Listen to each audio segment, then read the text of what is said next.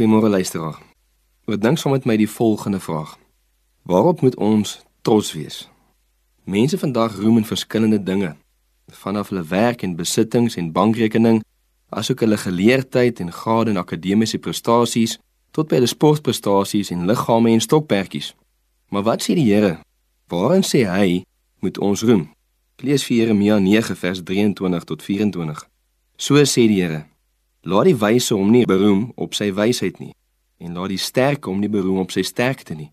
Laat die ryk hom nie beroem op sy rykdom nie, maar laat hy wat wil roem hom hierop beroem, dat hy verstaan en my ken, dat ek die Here is wat goedertierenheid, reg en geregtigheid op die aarde doen, want in die dinge het ek behaag spreek die Here.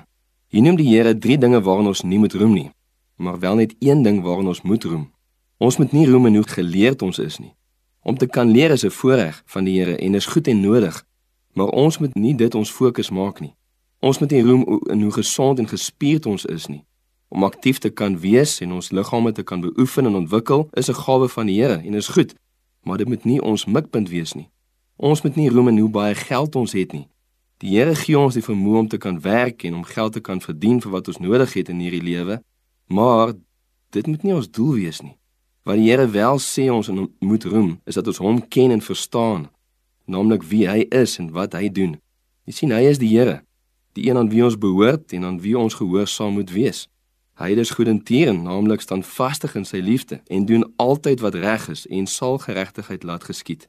Om hom te ken en hom te verstaan, dit is wat vir die Here belangrik is en dit is waarin ons moet roem. Waarin roem jy? In jou wysheid of sterkte of rykdom?